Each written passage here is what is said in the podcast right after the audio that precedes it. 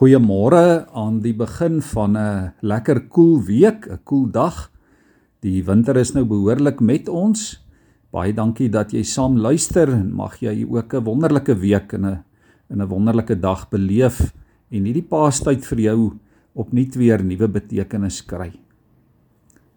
In Johannes 19 vers 30 kry ons Jesus se bekende kruiswoord: Dit is volbring. Hierdie woorde is 'n oorwinningskreet. Kom ons dink 'n bietjie daaroor, liewe vriende, by die ouderdom van 33 sal die meeste mense oor hulle lewens sê dit begin nou eers. Ek is nou aan die begin in die vleur van my lewe. Maar Jesus het op die ouderdom van 33 by die einde van sy aardse lewe gekom. Hy hang aan die kruis en hy verklaar dit is volbring. Met ander woorde, dit is afgehandel. Dis verby, dit is klaar. Dit is belangrik dat ons sal hoor Jesus het nie gesê ek is klaar of ek is moeg of ek gee moed op nie. Hierdie woorde van Jesus was nie 'n erkenning dat hy verloor het of wil 'n handdoek ingooi nie. Dit was 'n kreet van oorwinning. In die oorspronklike Grieks word ons drie Afrikaanse woorde dit is volbring in een woord saamgevat, naamlik die woord tetelestai. Ek weet jy het al hierdie woord gehoor en dit was baie bekend in Jesus se tyd.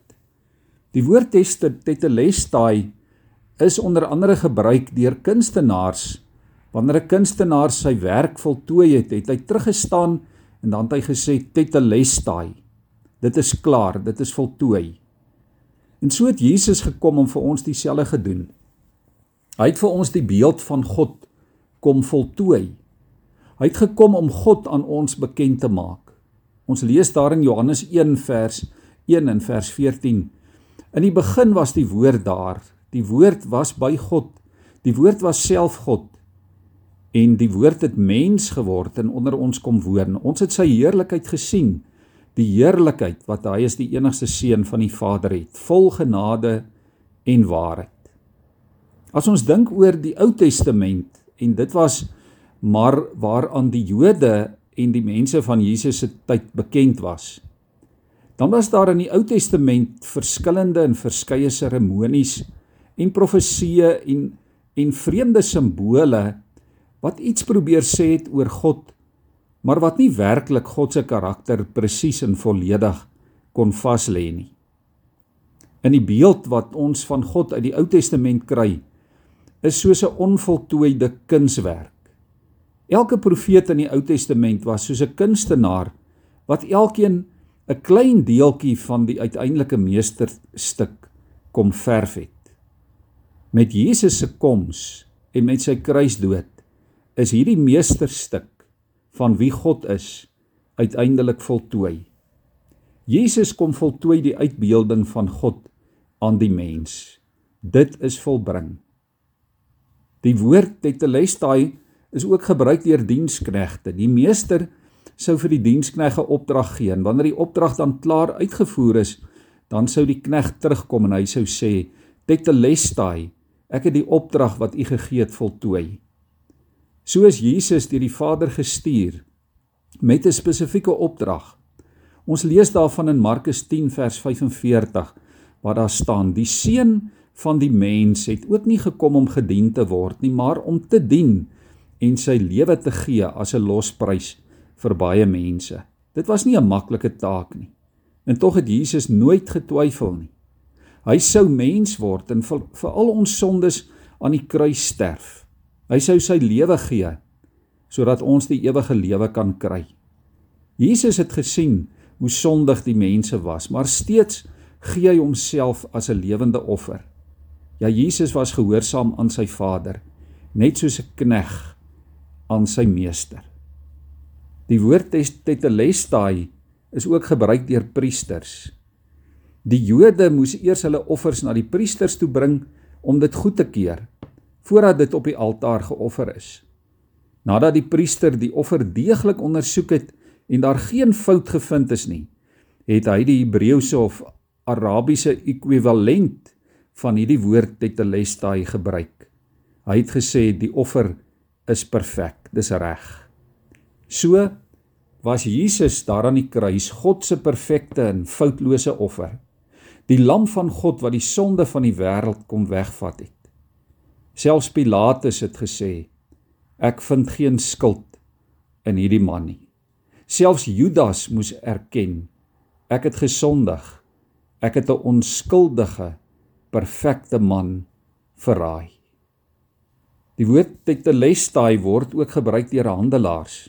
As jy iets koop, dan sou die handelaar jou geld vat en vir jou 'n bewys van betaling, 'n soort kwitansie gee. En op die kwitansie sou daar in Griek staan tetelestai. Dis volledig betaal. As sondaars, liewe vriende, was jy en ek baie diep in die skuld by God. 'n Soort skuld wat ons nooit alleen of self sou kon aflos nie. Ons sou eers hulp moes kry om ons ongelooflike skuld te kon betaal. In Jesus het God besluit om self in te tree. Geen wonder nie, die Bybel praat van die ewige lewe as 'n geskenk. Dit is vry, dis verniet, dis gratis. En omdat dit 'n geskenk is, moet jy dit aanneem. So was Jesus ons bewys van betaling. Wat beteken jy en ek is vrygekoop. Die prys vir ons sonde is ten volle vereffen. Ons dra geen skuld meer op ons smal skouers nie. Wat 'n wonderlike geskenk is dit nie. Ons moet dit mooi hoor vanmôre. God het sy deel ten volle gedoen. Nou lê die verantwoordelikheid by jou en my om Jesus as redder en Here aan te neem. Ons werk as Christene, liewe vriende, is nog onvoltooi op hierdie aarde. Solank daar mense is wie se saak met God nie reg is nie. Daar's net een soort mens op hierdie aarde. Die mens vir wie Jesus gesterf het. Ek en jy is geroep om aan elke mens wat ons pad kruis die goeie nuus te vertel. Dit is volbring. Die prys is ten volle betaal. Die ewige lewe is gratis bedoel vir elkeen. Jy kan dit maar net ontvang. Kom ons buig in gebed voor die Here. Here, dankie op hierdie koel maandagooggend dat ons so bewus kan wees van u genade. Dat ons so bewus kan wees, Here, van u volledige liefde, u volmaakte genade. U volledige begrip en vryspraak. Ja Here, alles wat u vir ons doen en gee is volledig. Dit wat u is, is volledig. Ons het niks meer nodig nie. As ons Jesus sien, dan sien ons vir God. As ons sien wat Jesus doen, as ons sien hoe Jesus praat, as ons sien waar Jesus beweeg, dan sien ons die hart, die volledige hart van God. Dit te lestai. Dit is volbring, dis betaal. Dis volledig klaar gemaak. Here, dankie dat dit vir ons gedoen is vir hierdie wêreld. Amen.